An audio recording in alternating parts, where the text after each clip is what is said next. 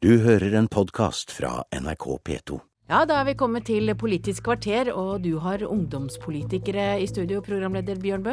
Ja, de rød-grønne ungdomspartiene går sammen for å friske opp moderpartiene. Og så får Oslo Høyre ny leder.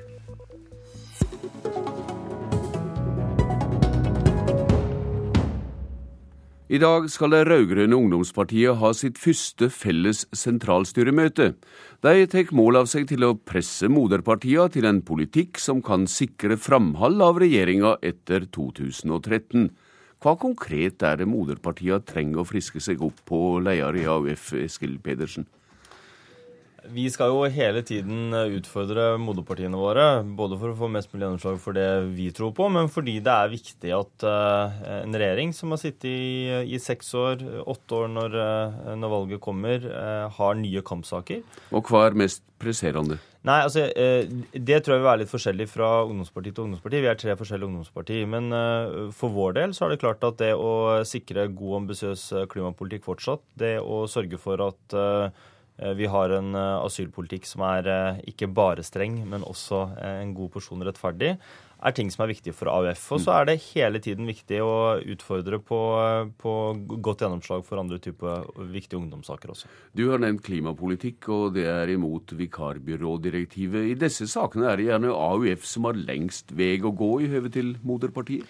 Ja, men så er også Arbeiderpartiet det største partiet i regjering om å ta ulike hensyn. Eh, men AUF har jo en lang tradisjon for å eh, jobbe for gjennomslag opp mot vårt eget parti, si fra de gangene vi også er uenig. Eh, og det som jo er positivt, er at vi har tre rød-grønne partier som har vist i seks år at vi kan være uenige om enkeltsaker, men vi kommer fram til felles politikk. Og blant ungdomspartiene så er det enda større enighet og lettere å komme fram til felles politikk. I Aftenposten i dag uttrykker du redsle for at Arbeiderpartiet vil bryte klimaforliket og klimameldinga når den kommer. Det er i det blå.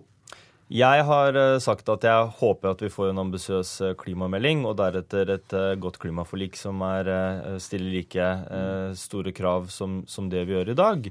Eh, og Der er det bred eh, tverrpolitisk enighet blant ungdomspartiene. Eh, og så er det flere av oss som må jobbe for gjennomslag i våre moderpartier. Men vi har altså en regjering som styrer på, på det klimaforliket som ble inngått sist. Det er veldig ambisiøst. Og så jobber vi knallhardt for at vi får en like ambisiøs klimamelding med masse konkrete tiltak når den kommer. Leder i Unge Høyre, Henrik Asheim, oppos opposisjonsungdommen har drevet med fellesmøte i årevis, i det siste også med Framstegsungdommen. I hva grad blir de rød-grønne farligere for dere når ungdomspartiene knyter nærere samband? Nei, De blir ikke så veldig mye farligere. Altså, Vi har gjort dette siden 2001, den forrige borgerlige regjeringen. og Det har vi gjort for å snakke sammen om vanskelige saker og bli enige om uh, forskjellige krav, akkurat som uh, Eskil sier. Men jeg leste jo på bloggen til Sandra Borch, som er leder av Senterungdommen, uh, i går kveld, hvor hun slo fast at dette ikke er et møte fordi Senterungdommen sier nå klart fra at vi vil ha en rød-grønn regjering etter 2013. Dette er et møte for å snakke om hva de skal gjøre frem til det, og at de skal ha en prosess internt. Så jeg tror nok at de blir ikke noe farligere. Tvert imot så tror jeg at det rød-grønne samarbeidet knaker mer og mer, mens de borgerlige ser ut til å bli mer og mer enige. Eh, så, så sånn sett så er jeg ganske beroliget. Pedersen. Altså, Jeg, jeg syns det er oppsiktsvekkende at de har holdt på med disse fellesmøtene på borgerlig side i ti år og ikke har kommet lenger. Eh, det er klart at eh, blant de rød-grønne ungdomspartiene så er det ulike synspunkter på en del saker, men vi er altså ungdomspartiene til tre partier som faktisk sitter i regjering med et flertall bak seg, har gjort det i seks år. Uh, og jeg er ganske sikker på at vi også går til valg i 2013 på, på fortsatt uh, rød-grønn regjering. Um, og så er det helt riktig at de ulike partiene skal ha sin prosess. Det er ikke noe nytt. Det er det vi har hatt før hver eneste valg. Uh, men uh, vi er uh, enige om mange ting, uenige om enkeltsaker. Men vi er grunnleggende enige om hvilken retning vi vil at Norge skal gå. Og det mener jeg er mer enn man kan si om ungdomspartiene på borgerlig side. Eh, det er ikke sånn at det lyser en enighet av hva Venstre går til valg på og Fremskrittspartiet går til valg på. Eh, og utfordringa for de borgerlige ungdomspartiene er jo å få partiene til en gang å ville sitte i regjering sammen. Eh, KrF har ikke tatt stilling til om de ønsker regjeringssamarbeid med, med Fremskrittspartiet. Vi vet at det er sterke krefter der som ikke ønsker det.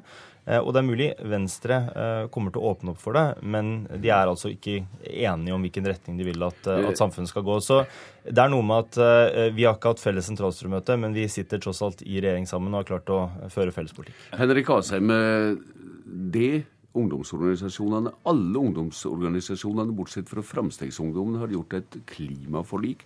Hva er felles politikk for de fleste ungdomsorganisasjonene, og hva er det som skiller dere? Mellom de borgerlige ungdomspartiene? Og de ja, Innenfor klima så er det at vi ønsker å sette uh, klare, klare, mål. Og vi ønsker å komme med en del tiltak som faktisk når de målene. Ja, dette er, noe, det er en felles, uh, med de rød-grønne ungdommene. Ja, på dette området så har vi klart å bli enige. Men hva er det som skiller dere? Det er veldig mye som skiller oss. og så må jeg bare si helt kort først, at den, den, arrogansen som Arbeiderpartiet utviser nå, den viser jo hele problemet. Altså, Arbeiderpartiet har akkurat nå lekket uh, ufrivillig et notat hvor de sier at de skal distansere seg fra sine rød-grønne venner. I Høyre Nei, snakker vi sammenhengende om hvordan vi kan komme nærmere våre venner. Sånn at, men, men, for å si hva som skiller oss, altså den store forskjellen tror jeg på de borgerlige og de rød-grønne ungdomspartiene, det er det fokuset på f.eks. valgfrihet og mulighet for at folk skal kunne ta sine egne valg i livet. Vi mener at det er helt naturlig at når eldre har en hjemmehjelppleier, så skal de få lov til å bestemme hvem som kommer hjem til seg. Vi mener at det er helt riktig at når en elev går på en offentlig skole, så skal de allikevel få lov til å velge hvilken skole de skal gå på. På 80-tallet var det sånn at de borgerlige mm. partiene skapte en fornyings- og en åpning av samfunnet som var helt avgjørende. Nå tror jeg den er nødvendig i den offentlige sektoren. At det er sånn at vi faktisk krever valgfrihet selv om vi bruker offentlig sektor. Og det er her Arbeiderpartiet og de rød-grønne partiene henger etter. Altså, eh, Man kan godt finne enkeltsaker hvor de borgerlige eh, ungdomspartiene og partiene er enige, men poenget mitt er at det finnes så mange grunnleggende ting de er uenige om. Eh, KrF sier at de eh, ikke ønsker eh, skattekutt. Tvert imot mener de at kanskje rike bør bidra med noe mer. Nå spurte jeg om, spurte jeg om skillnadene mellom de rød-grønne og de andre. Ja, men det, er, men, men det, er, et skille mellom de rød-grønne og de borgerlige. At vi ikke ønsker skattekutt. Vi ønsker å bruke pengene på velferd. Der er f.eks. KrF enig med oss. Og på innvandring er det åpenbare store, store forskjeller i, i det grunnleggende synet på det flerkulturelle samfunnet mellom både Venstre og KrF på den ene siden og, og Fremskrittspartiet det er på en måte utfordringene som de må møte. Eh, og vi eh, går til valg eh, på at vi fortsatt skal ha rød-grønn regjering, og det er helt feil at vi har sagt at vi ønsker å distansere oss fra det rød-grønne. Tvert imot så står vi veldig trygt på det. I dag har vi hørt at valgdeltakinga blant unge auka ved valget sist høst. Her hører vi kommunalminister Liv Signe Navarsete fortelle hva hun synes om røysterett for 16-åringer. Eh, det har ikke jeg konkludert endelig på. Jeg er mer positiv til det nå enn det var når jeg starta forsøket, det må jeg si. Eh, men det som, helt, eh, det som, er helt klart, er at vi har en gevinst å hente på ei enda bedre opplæring.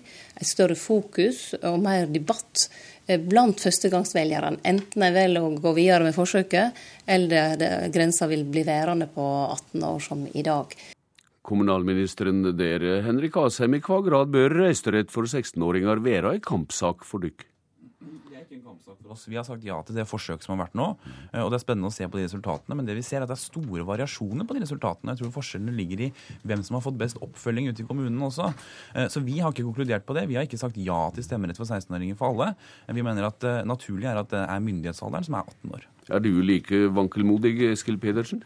Jeg er åpen for å se på stemmerett for 16-åringer. Eh, vi har heller ikke gått inn for det eh, ennå. Men jeg synes at eh, de tallene vi bl.a. har fått i dag, er veldig oppløftende. Og jeg tror det handler om at uh, ungdom som uh, bor hjemme i den hjemkommunen, særlig et lokalvalg, har lettere for å faktisk bruke stemmeretten enn en de som har kanskje flytta til andre byer for å studere. og Derfor så mener jeg definitivt at vi skal se på det som et ledd i å få flere ungdom til å stille opp for demokratiet. Pedersen, hva slags resolusjoner kan vi vente fra det rød-grønne fellesmøtet felles i dag? Dette er jo ikke en PR-jippo. Dette her er å sette seg ned rundt et bord og snakke om hvilke saker vi faktisk ønsker å samarbeide om. Vi vet at vi er enige om veldig mange saker. Så det blir noe problem å finne de, men vi skal først prate, og så skal jeg fortelle deg seinere hvilke saker vi har kommet fram til. Takk til dere, Eskil Pedersen og Henrik Asheim.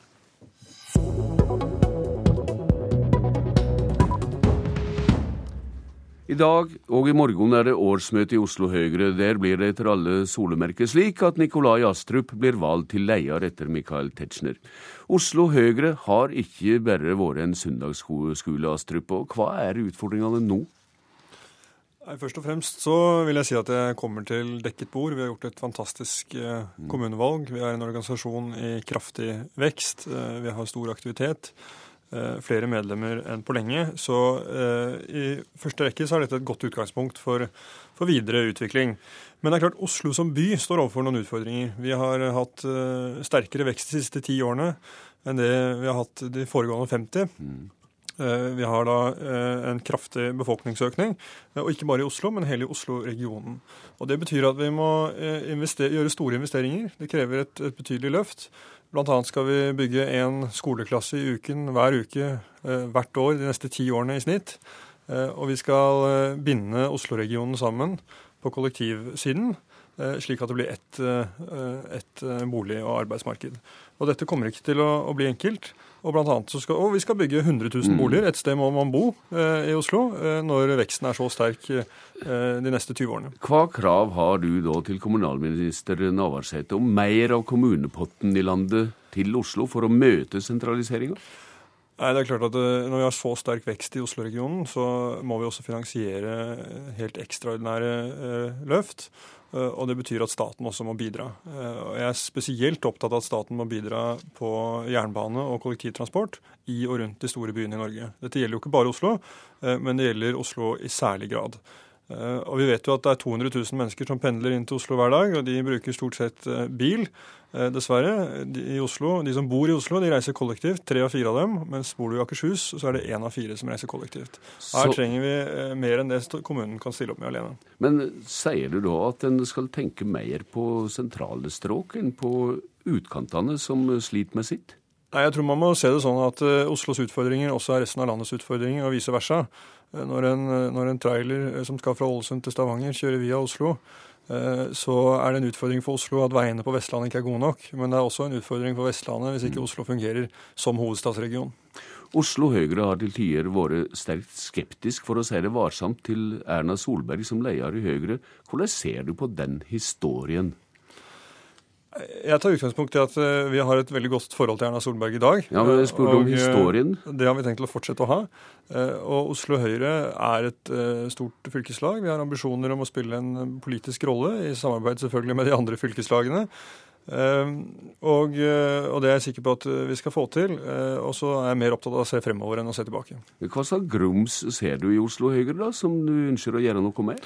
Nei, jeg, jeg, mener jo at du nå setter det litt på spissen. Jeg, jeg syns ikke det er eh, verken en ukultur eller grums i Oslo Høyre, som du uttrykker det. Tvert imot så har vi en sterk eh, organisasjon eh, med mange tydelige talspersoner eh, som ønsker å bidra politisk, og det er sånn det skal være. Er stønaden til en partileder som ikke er fra Oslo, avhengig av styrken på meningsmålinger, rett og slett?